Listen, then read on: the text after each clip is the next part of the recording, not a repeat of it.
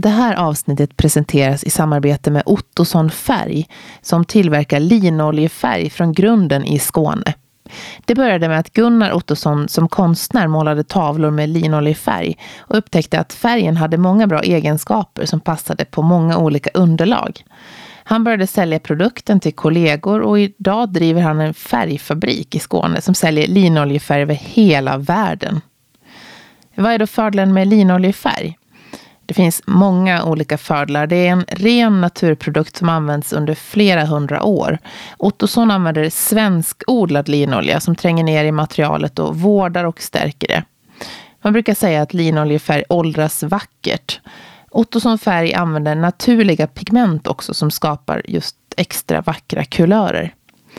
Jag själv använder den här linoljefärgen till att måla både möbler och snickerier inomhus och utomhus använder jag den till att måla dörrar och fönster till exempel på vårt gamla hus. Färgen tar lite längre tid att torka men i gengäld får man en otroligt hållbar färg som är vacker, åldras fint och är helt naturlig. Ottossons linoljefärg kan du köpa hos återförsäljare eller direkt på www.ottosonfärg.com.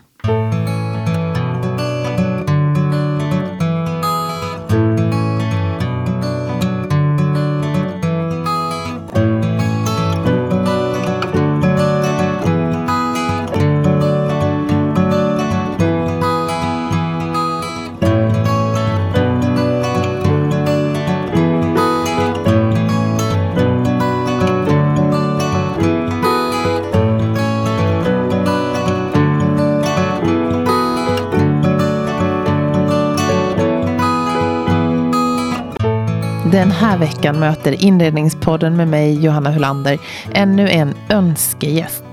Byggnadsantikvarie Erika Åberg är gäst och hon har precis i veckan mottagit priset som Årets inspiratör i L Decoration Swedish Design Awards 2019. Du har säkert sett henne som husexpert i SVTs programserie Det sitter i väggarna och i det här avsnittet ger hon massor av tips för hur man kan tänka kring renoveringar, vad kan man göra själv och hur kom det sig att hon började arbeta med just gamla hus. Välkommen till inredningspodden Erika Åberg. Tack snälla du. Här sitter vi i, på ditt kontor. Och vi sa just att vi har, det är högt i tak på alla sätt här. Ja, precis. Både i rummet och eh, samtalsläget hoppas jag. Mm. För de som inte känner till dig, du arbetar som byggnadsantikvarie, föreläsare, skribent, men är kanske mest känd för lyssnarna genom tv-serien som du har haft under ett antal år. Ja. Du sitter i väggarna. Ja, ja, men det kan hända. Det är därifrån man har sett mig åtminstone. Kanske Ja. att man har läst mina texter då. Men precis, det är ju... Nu har vi spelat in den i fyra år faktiskt. Det sitter i väggarna. Oj, det är lång tid. Ja, det är det. Vad gillar du mest av allt du gör? Åh, gud vad svårt. Eh, jag tycker ju väldigt mycket om mitt jobb alltså. Jag tycker det är helt fantastiskt att få jobba med gamla hus och människor som bor i dem.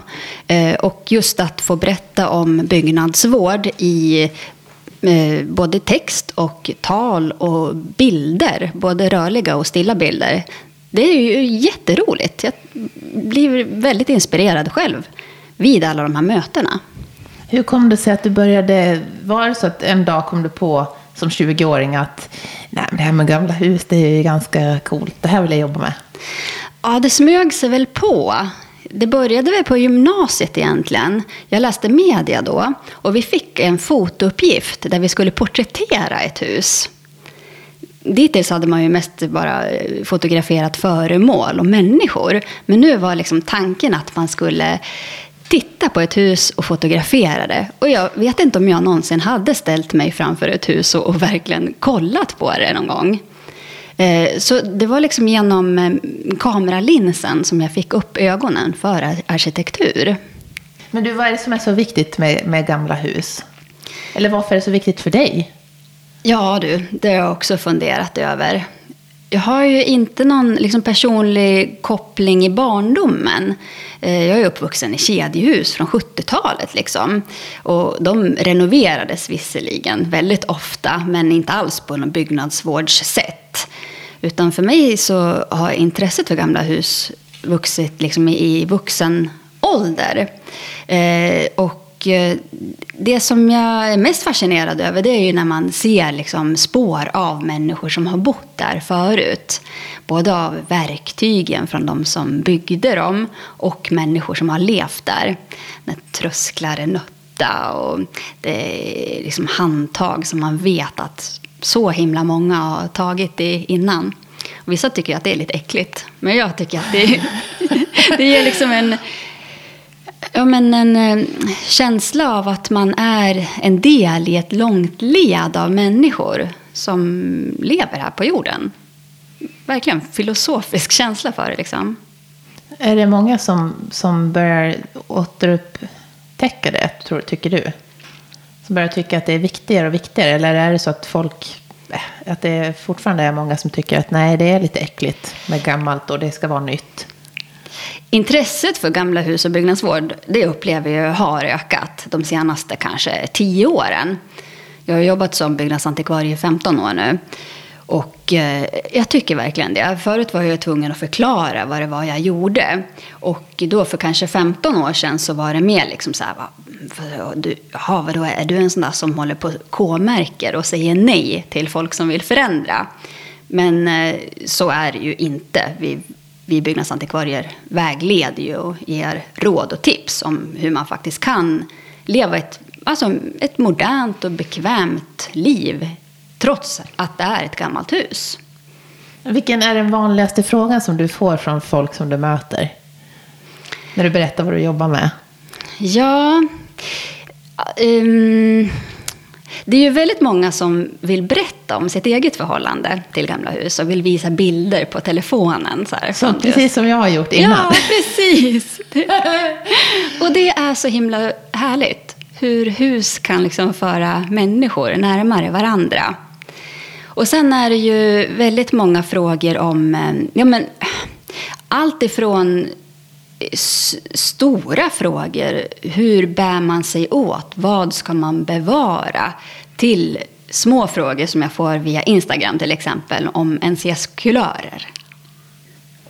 Ja, den måste ju vara vanlig såklart. Ja, ja det mm. är det. Och det är ju inte alltid man har det när det är ett gammalt hus med gamla färglager eller kulörer som man har blandat själv från slattar av linoljefärgsburkar.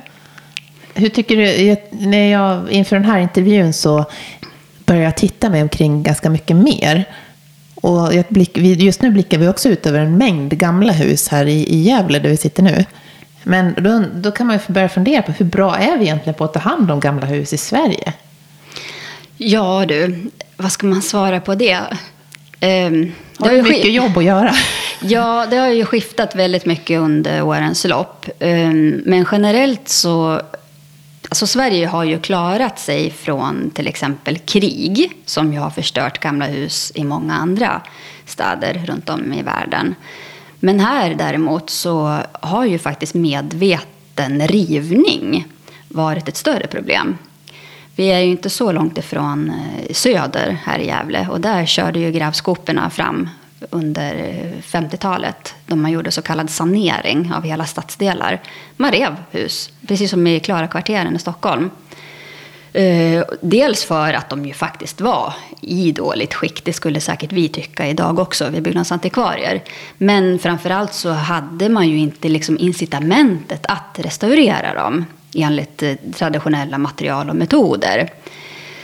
Så eh, på så sätt kan man ju säga att liksom vår välfärd har förstört eller raderat ut stora delar av vår historia.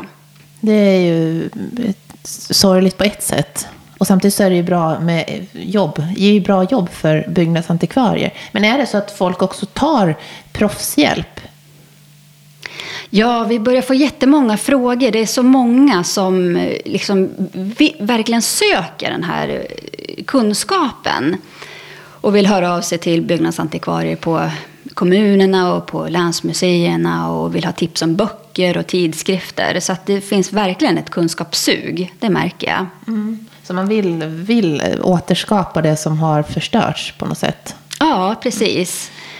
Och, eh. och liksom hitta kunskap som faktiskt har varit bortglömd till stora delar också nu, folk söker ett alternativ till plastfärger och eh, gipsskivor och funderar liksom, ja, men hur spänner man papp i tak och på väggar och hur målar man med linoljefärg och vilka säljer de här produkterna som man behöver.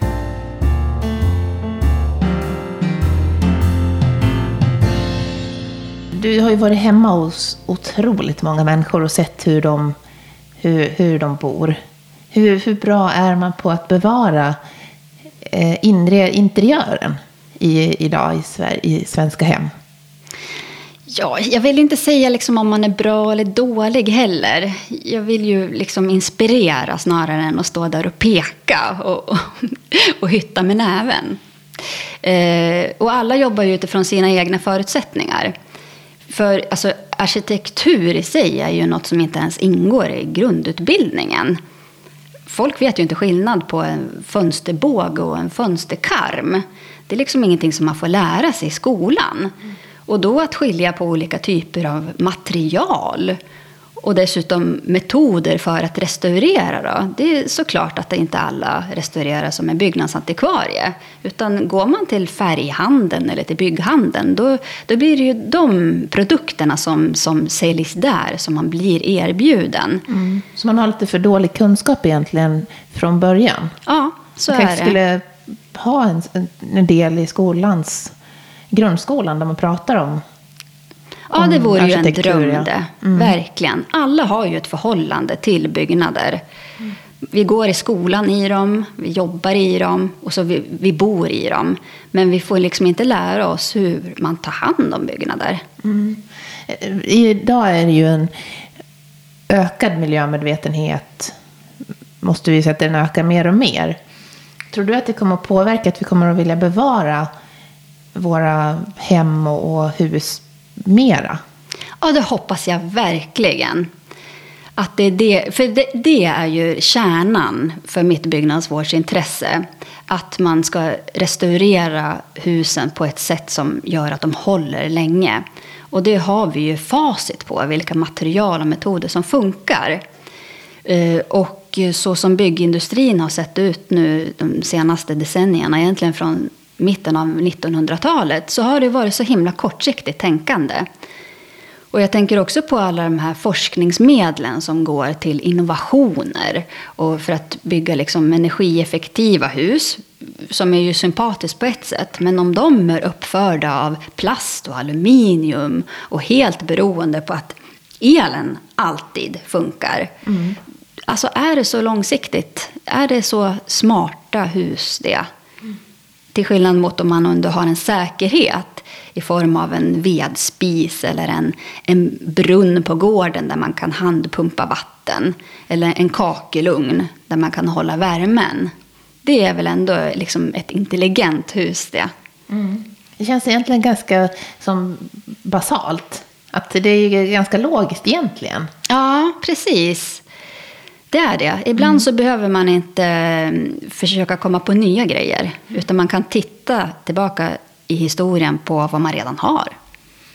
När det gäller materialval så är det en jätteintressant fråga just. Och är det många som, som tänker på det?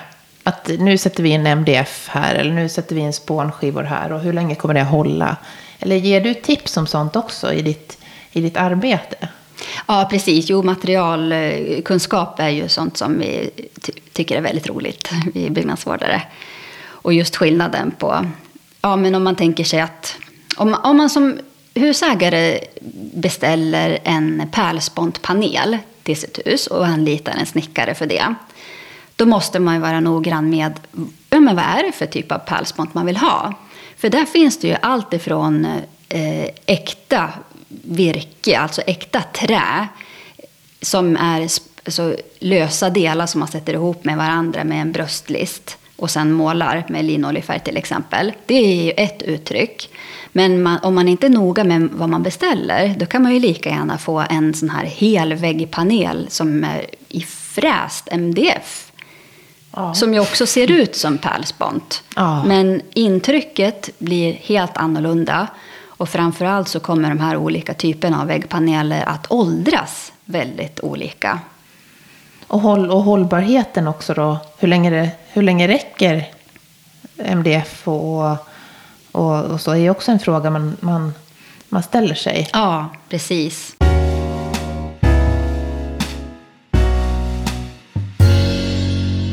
Uh, inför den här intervjun så ställde jag er lite frågor om dig. Eh, och, och de hade några, eller jag ställde så här, har ni någon fråga som, du vill, som ni vill ställa till Erika? Och då fick jag, tre frågor som jag tyckte var lite intressanta, som jag tror att ni som lyssnare också tycker kan vara eh, intressanta om man nu vill eller bor redan i ett gammalt hus eller lägenhet då. Och det var, vad är viktigast att bevara i en gammal lägenhet eller ett hus tycker du? Om man ska renovera. Ja, vad svårt. Åh oh, gud, det finns så många. Måste jag välja något? Ja. ja nej, men om jag tänker på det som jag blir mest förtvivlad över att folk slänger ut då. Då är ju det dels gamla fönster och dels funkiskök. Eller gamla kök överhuvudtaget. Men det är ju så väldigt uh, få sekelskifteskök till exempel som finns kvar. Varför eh, tycker du det då? Jo, men fönster betyder så himla mycket för hela huset. Oavsett om man står inuti det eller utanför det. Och det här virket som gamla fönster är tillverkat av. Det är helt oslagbart. För man, eh, man valde det med stor omsorg. Och det var kodrikt. Eh, det är ju nästan som naturens eget impregneringsmedel. Och det var tätvuxet, alltså det är hårt som tusan och håller i flera hundra år. Och ofta så har de ju också gammalt glas i sig som är munblåst som gör att det skimrar och lever. Och då när jag ser att folk byter ut material med så otroligt hög kvalitet till nya då i ja, men plast eller aluminium där tillverkarna lovar kanske så här tio års garanti. Så jag känner mig så frustrerad när vi byggnadsantikvarier vet att ja, men träfönster som underhålls med jämna mellanrum, de kan hålla i ja, men 100 år, inga problem. 200 år, visst. Det finns till och med fönster som har hållit i 300 år i ja, det här klimatet. Det är fantastiskt, 300 år. Ja, då kan man snacka om att man har olika åldersperspektiv på det hela. Ja. Och den investeringen som gjordes då i de där gamla fönstren, de betalas ju verkligen i längden. Sen när det gäller kök, så det klappar mitt hjärta extra för. för förlåt Erika, för går du och rotar då i containern när du ser gamla fönster? Nej, det gör jag inte. du går inte och knackar på och säger hallå, ni har kastat ut de här fantastiska fönstren. Nej, jag tror inte man kan möta fastighetsägare på det sättet. För då, är ju, då har de redan betalat för de här nya. Eh, så att man, man måste ju berätta om det, försöka få folk att få upp ögonen medan fönstren sitter kvar. Att beskriva värdet i dem. Och inte bara... Och gör, liksom, gör lite konsumentupplysning. Som villaägare blir man ju ständigt utsatt för eh, reklam. Eh, och där det står att man ska liksom eh, spara pengar genom att byta ut. Men så ser inte jag på det. Eh, jag tycker man kan ta hand om det man redan har. Då sparar man verkligen pengar. Och att man ser på eh, en byggnadsdels hela långa livslängd. Inte bara vad den kostar i inköp. Utan ja, men vad blir utslaget per år då? Mm. Hur länge håller den? Mm. Och sen med kök då? Är det, tycker, det funkiskök, är det också någonting som du tycker man ska välja att bevara? Ja, och, och ännu äldre kök också för den delen. Om man har turen att ha sekelskifteskök eller från slutet av 1800-talet.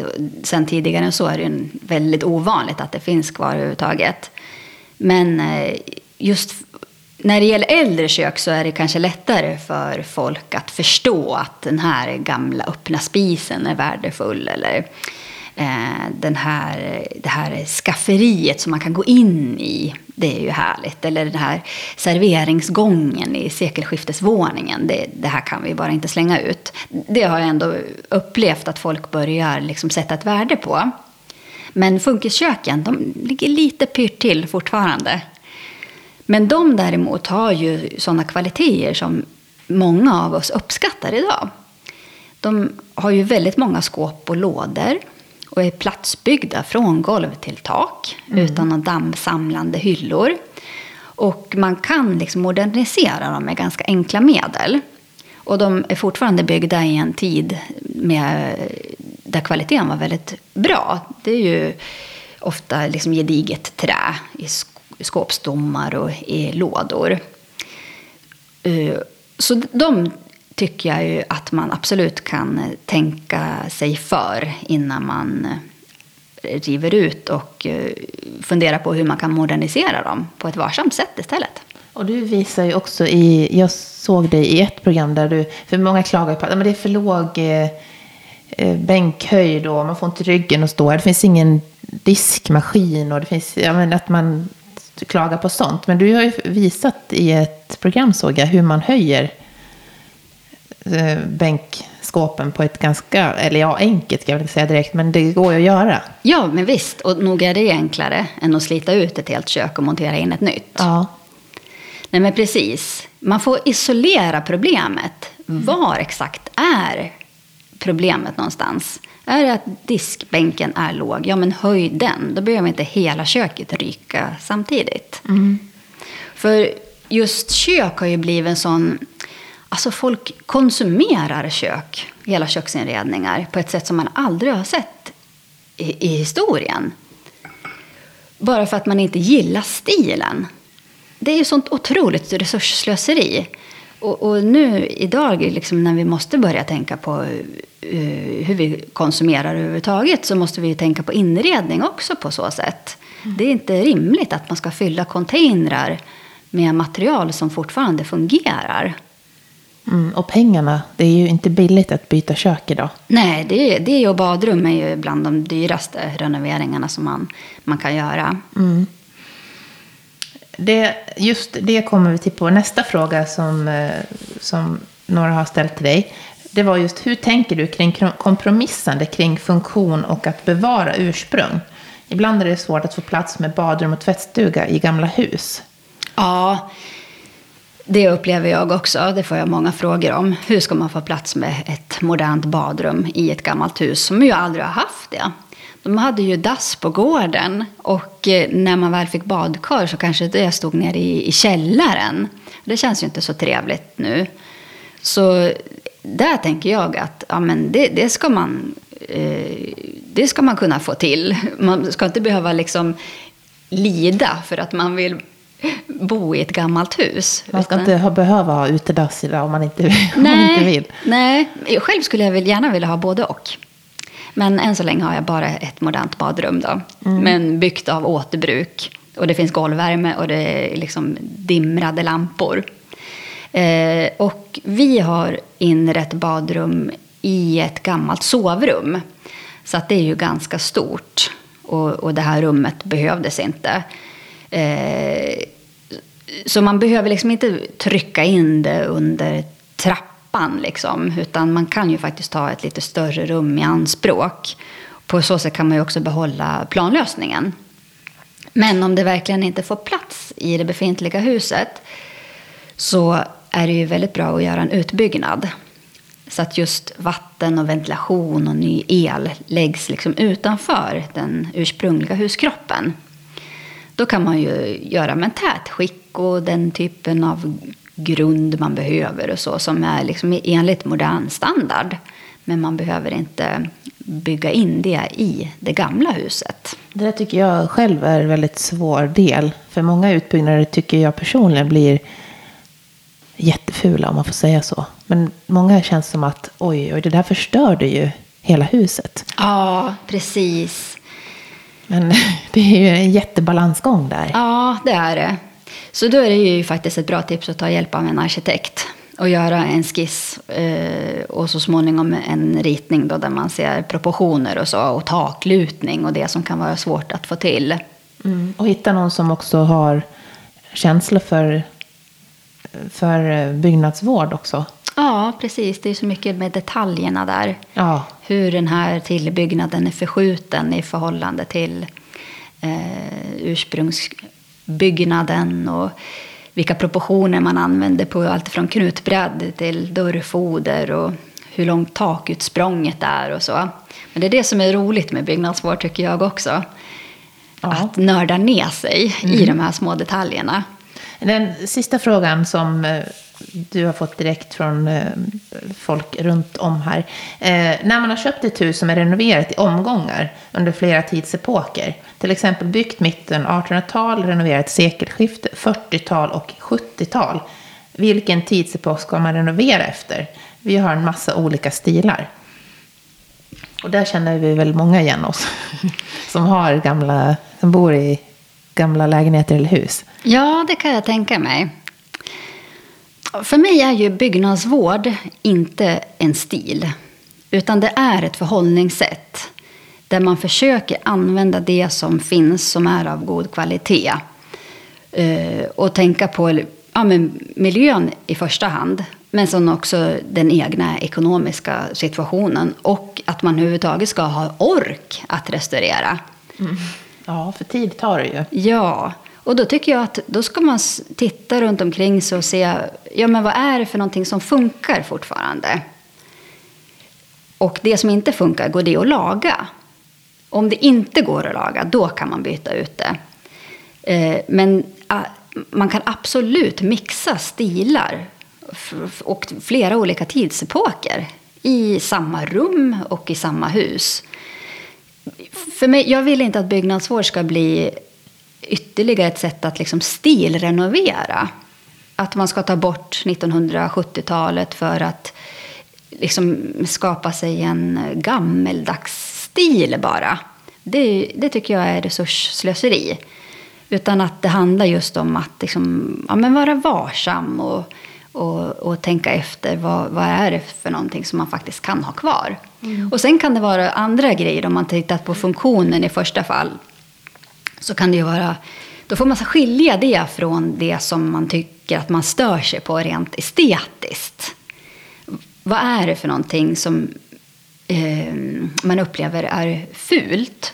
Och är det nödvändigt att ta, ta bort den grejen bara för att man själv tycker det? Någon gång, någon, någon i historien måste ha tyckt att det här var snyggt. Alltså ett, helt, ett furukök från 70-talet i en sekelskifteslägenhet behöver inte vara ett no-no, utan det kan sitta kvar om det har bra kvalitet. Ja, jag tänker faktiskt så. Mm. Funkar det så kan man gott och väl spara det. Det är ju ett avtryck i sig från en tidsperiod det också. Och om man inte står ut med furun, går det att måla det då? Eller byta beslag? Eller bara byta diskbänksskivor? Eller liksom eh, göra med, med ganska små medel. Och på så sätt så blir det väldigt personligt också.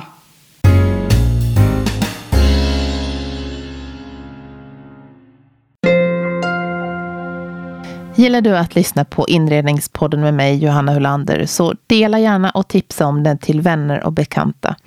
Det finns just nu 13 avsnitt med olika gäster att lyssna på om du missat något avsnitt. Gå gärna in och prenumerera på Inredningspodden också så vet du när nästa avsnitt släpps. Och gå gärna in och skriv ett omdöme på iTunes och Podcaster så syns podden för flera. På Instagram finns vi också under ett inrednings podden. Och där kan du se bilder och även filmer från varje avsnitt. Och alla avsnitt finns på www.inredningspodden.com. Varför är det så att allt som handlar om byggnadsvård är dyrare? Jag vet att den fördomen finns. Ja. Och jag kan tänka mig att det kan bero på att när man öppnar en, en katalog och bläddrar på sidorna från byggnadsvårdsbutikerna att man tycker att det, verkar dyrt då med ja, men handtag eller färgburkar eller fönster, glas eller vad det nu handlar om. Ehm, det är ju dels för att de här byggnadsvårdsbutikerna ofta eh, producerar ganska små upplagor och jobbar med lokala hantverkare. Så det går ju inte att jämföra det med liksom de stora möbelkedjorna eller byggvaruhandeln eller ja, men lågpriskedjornas tapeter och, och färgburkar och så. Utan man får ju tänka på det som liksom lokalproducerad mat. Det, det har ju ett annat pris än när man köper liksom köttfärs från eh, Spanien. Och, eh, och sen så, om man tänker på det här sättet, att byggnadsvård inte handlar om att blåsa ut en hel inredning för att bygga en ny i någon gammal historisk stil, utan att man faktiskt sparar det som finns av kvalitet, då blir det ju tvärtom mycket billigare. För då handlar det om återbruk. Ja, det är ju smart. Så man kanske adderar några få saker istället för att tömma och lägga till allt. Ja, det är så jag ser på det.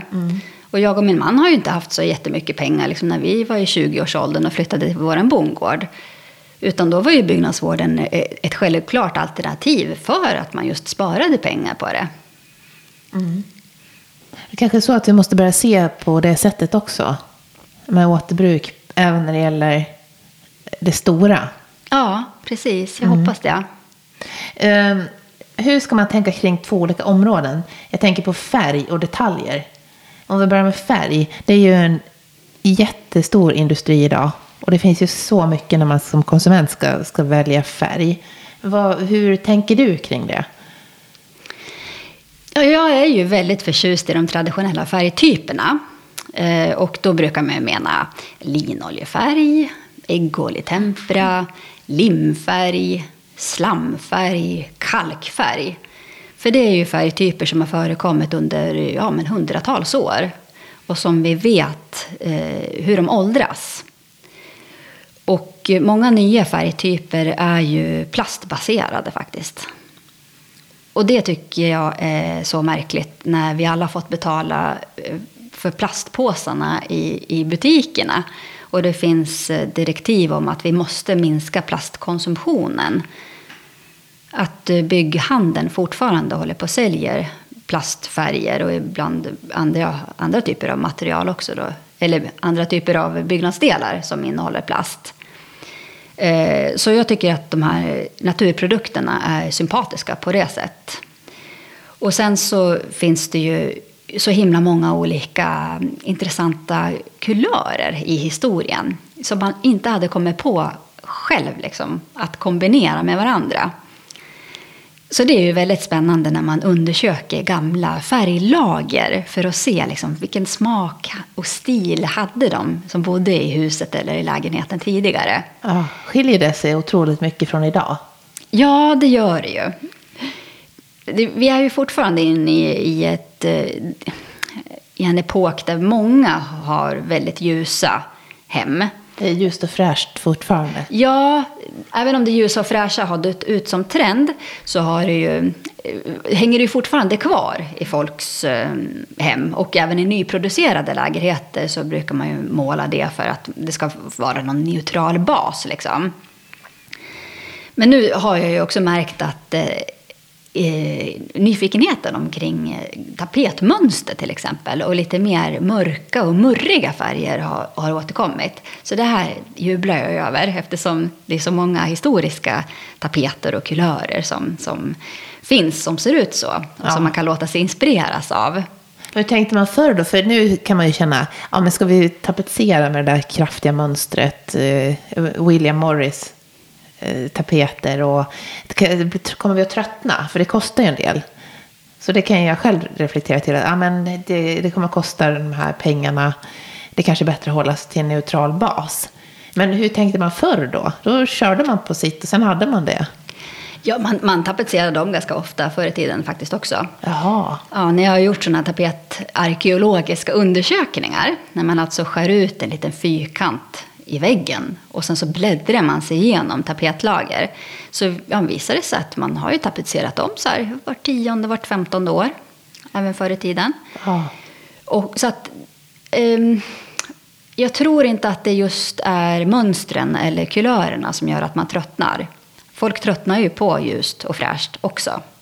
Så Ja. att det handlar snarare om att man är ombytlig som människa, att man vill ha någonting nytt. De här färgerna som du pratar om nu, kan det inte vara så att man inte riktigt vet, man inte vet när man ska måla om vad man, att, att, att de finns? Nej, precis så är det ju. Det är liksom en, en palett som man kanske inte är van att se. Men därför är det ju så himla spännande att besöka gamla hus och, och lägenheter för att, för att se det med, med sina egna ögon.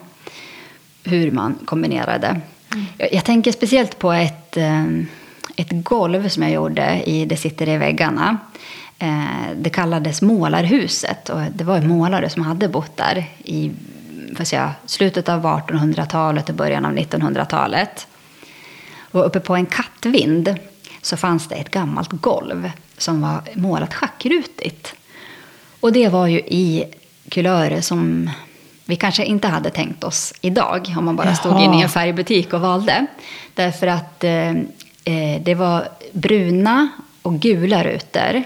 Och sen så var det detaljer, alltså i form av schablonmönster som var tryckt på de här eh, rutorna i lysande orange. Oj! Det är ju en sån typisk grej. Mm, det här skulle kanske ingen komma på idag. Nej. Men när man såg helheten så var det så himla coolt. Och så på en kattvind också? Ja, det var ett golv som hade återanvänts. Så det hade ju legat i ett rum med liksom högre status tidigare. Men det målade jag upp i ett sovrum. Eh, och det blev så himla läckert. Åh, vad coolt. Ja, visst, verkligen. Så det var att kliva in i en liksom mönster och färgvärld. Mm. Eh, där man tänkte helt annorlunda. Men som, ja, jag är glad att eh, fastighetsägarna var järva där och, och ville testa det. Och de blev jättenöjda. Hur tycker du man ska tänka kring detaljer då, som beslag och strömbrytare och eh, stuckatur och så? Ja, detaljerna gör ju väldigt mycket för helheten. Ehm, och när det gäller strömbrytare, då är det ju... Det är ju alltså man måste verkligen tänka på elsäkerheten när man flyttar in i ett gammalt hus. Så det skulle jag kanske inte rekommendera någon att bevara farlig el av nostalgiska skäl. Nej, nej. Däremot så finns det ju många nya eh, eldetaljer som är tillverkade enligt de gamla modellerna men som håller dagens säkerhet. Så det, det börjar det finnas eh, ett ja, men hyfsat stort utbud av faktiskt. Mm. Och beslag och sånt? Samma sak där finns eh, en tillverkare som heter Eskilstuna kulturbeslag som har funnits väldigt länge och som fortfarande gör beslag. Alltså handtag, knoppar, gångjärn. Precis enligt de gamla modellerna fortfarande. Så det går bra att få tag på. Och så kan man ju titta på begagnatmarknaden också. Det kan finnas både på, ja, men på Blocket och Tradera eller när man besöker loppisar eller är ute på auktioner, på bondaktioner på somrarna kan man titta i lådor där. Mm, det kan bli ett riktigt eh, unikt hem man får med bara olika beslag. Ja, visst.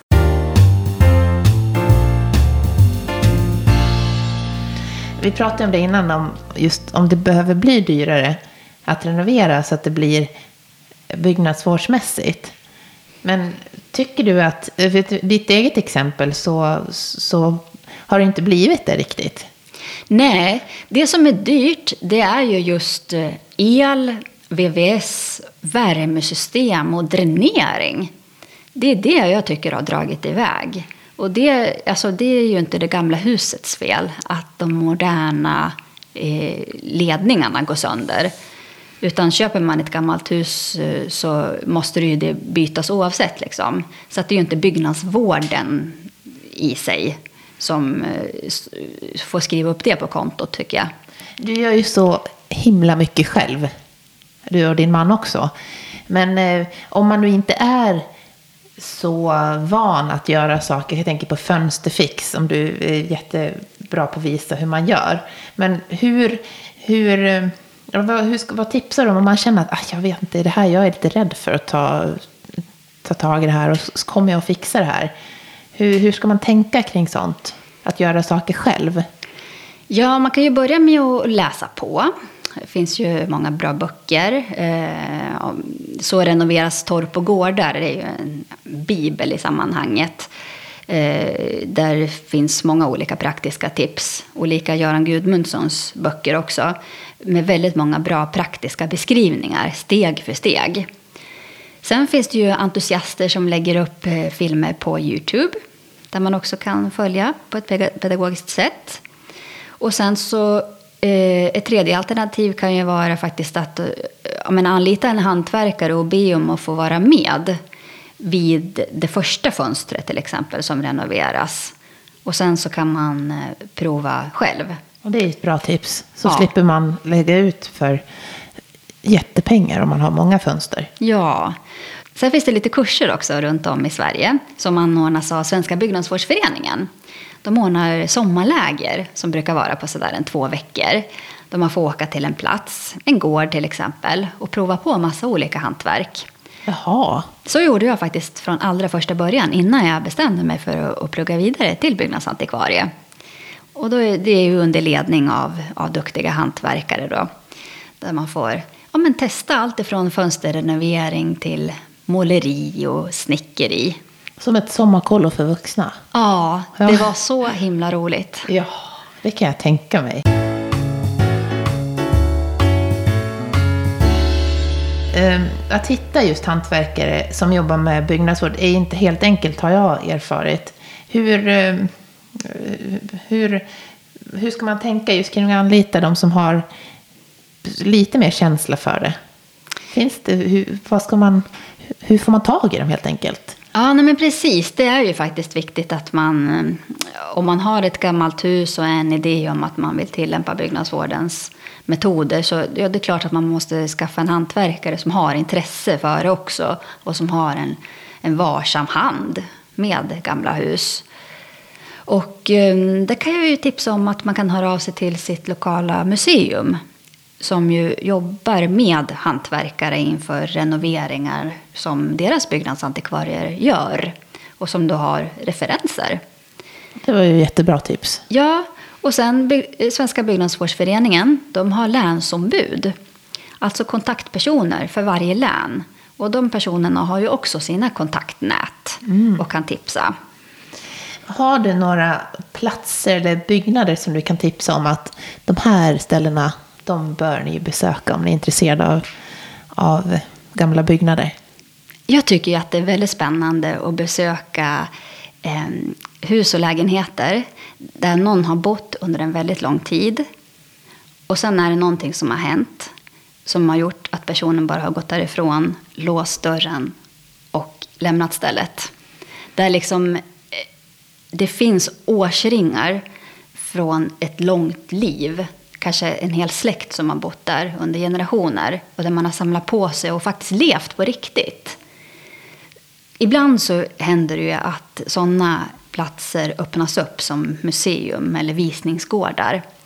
Så det är ju väldigt, väldigt spännande. Uh, här i Gävle så har vi till exempel eh, Jonny Mattsson-gården. Där en eh, träkonstnär, kan man väl säga, trähantverkare, uh, har bott och haft sin verkstad i. Sen för inte så länge sedan så besökte jag eh, en plats som heter, nu ska vi se om jag uttalar det rätt då, men Ashandiska gården i Eksjö. Mm. En borgarfamilj som hade bott i en, eh, ja det var en gård inne i centrala Eksjö. Och där inte fanns några arvingar till slut, utan de donerade hela stället till en stiftelse. Och nu visas den gården. Så det kan man få, man kan kliva in där vem som helst kan gå in? Ja, man får väl säkert höra av sig och ringa och boka eh, en visning. Men det var sådär så att det bara liksom kittlade i hela kroppen. Oj. När man såg hela inredningar. Med liksom, ja, men det var speglar och det var hårborstar och det var eh, servisen stod kvar i, i skåpet i köket. Och, ah, det är så himla läckert. Det är en sån härlig liksom, nerv. Och där kan man verkligen tala om att inspireras som byggnadsantikvarie. Om du ska ge någon present till någon som har precis har köpt en orenoverad gammal lägenhet eller ett hus, vad, vad, vad ger man en sån person? Hmm. Ja, jag tror jag kanske skulle ge en, en burk med linoljesåpa då. För ibland så kan du, man kan komma ganska långt genom att bara eh, faktiskt tvätta av ytorna innan man bestämmer sig för att måla om. Mm. Och så mm. luktar det ju fantastiskt gott. Ja, det var ju ett bra tips ja. Hur ser ditt drömboende ut? Bor du i ditt drömboende nu eller drömmer du om något, något annat? Jag, jag drömmer om allt möjligt. Allt ifrån 1700-tals torp till en stor sekelskiftesvilla vid havet. Oh, jag önskar att man kunde leva fler liv än ett, så man kunde bo på fler ställen.